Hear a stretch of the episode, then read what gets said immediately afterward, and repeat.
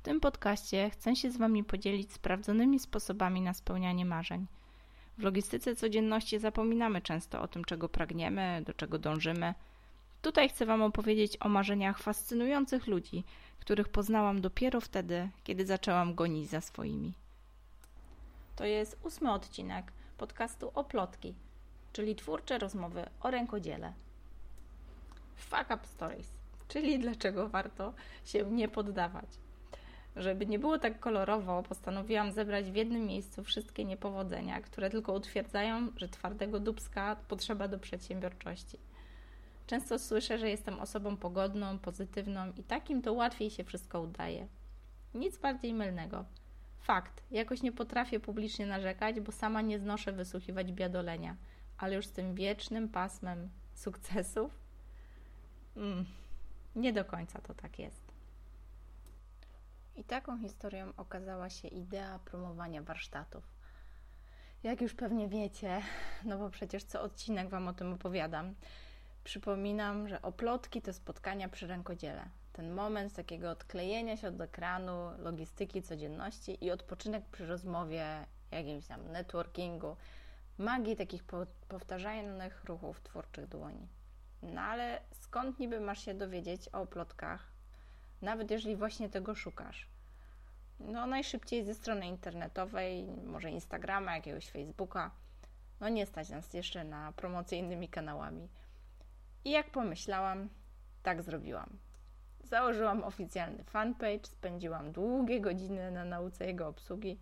Założyłam konto Instagramowe, żeby pokazywać warsztatowy backstage, bo przecież tak trzeba, pozwala nam to przełamać pierwsze lody, zanim się jeszcze spotkamy. Ogarnęłam stronę na WordPressie i dopiero pewna nowa znajomość otworzyła mi oczy. To kolega, który pomógł w ogarnianiu naszej identyfikacji wizualnej, uświadomił mi, że poświęcam coraz więcej czasu na wszystko oprócz meritum. Okazało się, że większość czasu to promocja, organizowanie, odpowiadanie na maile, organizacja rezerwacji warsztatów, no a sam warsztat to może 2-3 godziny spotkania. No i jak tu promować slow i offline i i przyjemne życie przy rękodziele, jak nic tylko siedzę przed komputerem. No nie sklonuję ani siebie, ani doby, no ale już pomoc. Idea świetna, tylko gorzej z wykonaniem. No i to był faka proku. Ślepo wierzyłam, że skoro mam zapał, świetne koleżanki, które też go mają, to jakoś samo nam się uda. No i niestety bardziej nie mogłam być w błędzie. Delegowałam prace, które później i tak wykonywałam sama. Nie potrafiłam wprost powiedzieć o oczekiwaniach, potrzebach, znaczeniu każdego z zadań w naszym zespole. Rety, ile człowiek się musiał nauczyć, żeby z pokorą i cierpliwością podejść do całego planowania od nowa. Już, już raczej nie jako Zosia Samosia, tylko w tym momencie jako zespół.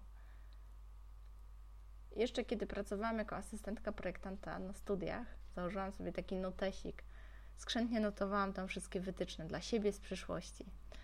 Jakoś śmiesznie mi się teraz wydaje, kiedy, kiedy sobie pomyślę, ale rzeczywiście już wtedy wiedziałam, że raczej nie chcę być w skórze tej, która prowadzi zespół dla kogoś albo pracuje dla kogoś. Raczej woli być tą osobą, która, która prowadzi zespół, która może nawet wydaje polecenia, motywuje do pracy.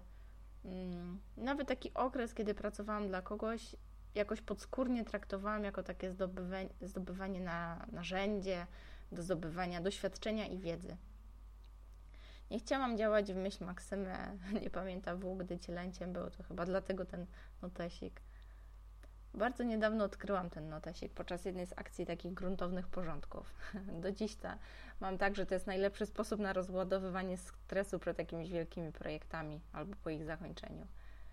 Łapczywie pożerałam każdą ze stron i z łezką w oku wspominałam dawne czasy. Ale też z takim niemiłym, niemiłym, niemałym zaskoczeniem odkrywałam, jak mechanizmy prowadzenia świetnego zespołu projektowego do realizacji kubatur czy wnętrz sprawdzają się w tym naszym odplotkowym teamie. Nie zapomnę wypraw inwentaryzacyjnych, które uświadomiły mi, jak ważne są te dłuższe oddechy od rutyny codziennej pracy, od siedzenia przed komputerem i mimo, że jeszcze nie zdarzyło mi się zapomnieć o tankowaniu Znaczy, był taki epizod e, ze sprintem po paliwo na ostatnich kilometrach przed spotkaniem, na które tam jako biuro byliśmy mega spóźnieni. To widzę, e, jak krytycznie e, wpływają na nasz zespół takie właśnie trudne, ciekawe, śmieszne przygody. Ten malutki noteślik ciągle mi przypomina, jak ważne było, aby ciągle w, w każdym, nawet z najmniejszych takich działań naszego zespołu, dostrzegać to, jak, jak cały zespół jest waż, ważny. Dlaczego, dlaczego powinniśmy czasem mocno zwolnić, żeby nikt z nas nie zostawał w tyle? Już w momencie, kiedy zaczęło się poważne myślenie o rozszerzeniu e, oplotkowego zespołu, wiedziałam, że takie utarte schematy czy jakieś takie metodologie działania nie do końca są w stanie się sprawdzić u nas, tak? Tu, gdzie zaczyna się e, relaks naszych klientów, zaczyna się też nasza praca. I takie krzesanie z siebie pozytywnego nastawienia, jakichś takich pozytywnych myśli, miłej rozmowy i entuzjazmu, do takiego zarażania pasją do rękodzieła, no nie jest w stanie płonąć non-stop. No, tylko jakieś takie mądre ładowanie baterii chroni nas wszystkie przed wypaleniem. Wystar- wystarczy taki drobny zgrzyt, jakiś słabszy dzień albo gorszy dzień kogoś z zespole, no i całość może runąć trochę jak taki domek z kart. Wystarczy jakaś jedna nieodpowiednio dobrana osoba do zespołu i wtedy całość zgrzyta. Ogromnym wyzwaniem staje się delegowanie pracy komuś, z kim raczej wolałoby się przegadać całą noc o włóczkach, niż produkować treści na fanpage. No kolejne wyzwanie. No dobra, ale miało być o fakapach. No to opowiem Wam bez owijania. Struktura finansowa wynagrodzeń w naszym zespole wygląda jak jedna wielka porażka, bo tak naprawdę nikomu nikt nie płaci, każdy pracuje tutaj na siebie. Ja sama niby deleguję, ale kończę najczęściej na wspólnym wykonywaniu zadań. Niby pozlecam, ale i tak manikalnie poprawiam, więc w sumie robię robotę dwa razy. Niby próbuję być poukładana i tworzę jakieś takie niezliczone Excelki i planuję spotkania, a potem szczegółowo rozpisuję ich agendę, ale i tak ciągle zawalam terminy, bo jak się komuś dzieciaki rozchorują, no to nie, nie potrafię po prostu powiedzieć nie i biorę na siebie czyjeś zadania. Albo sama. No sama też czasem mam chore dzieci. No dobra, to powiedzmy, że rola lidera zespołu to taki faka połowiczny, bo ciągle się tego uczę, więc jeszcze jest dla mnie nadzieja.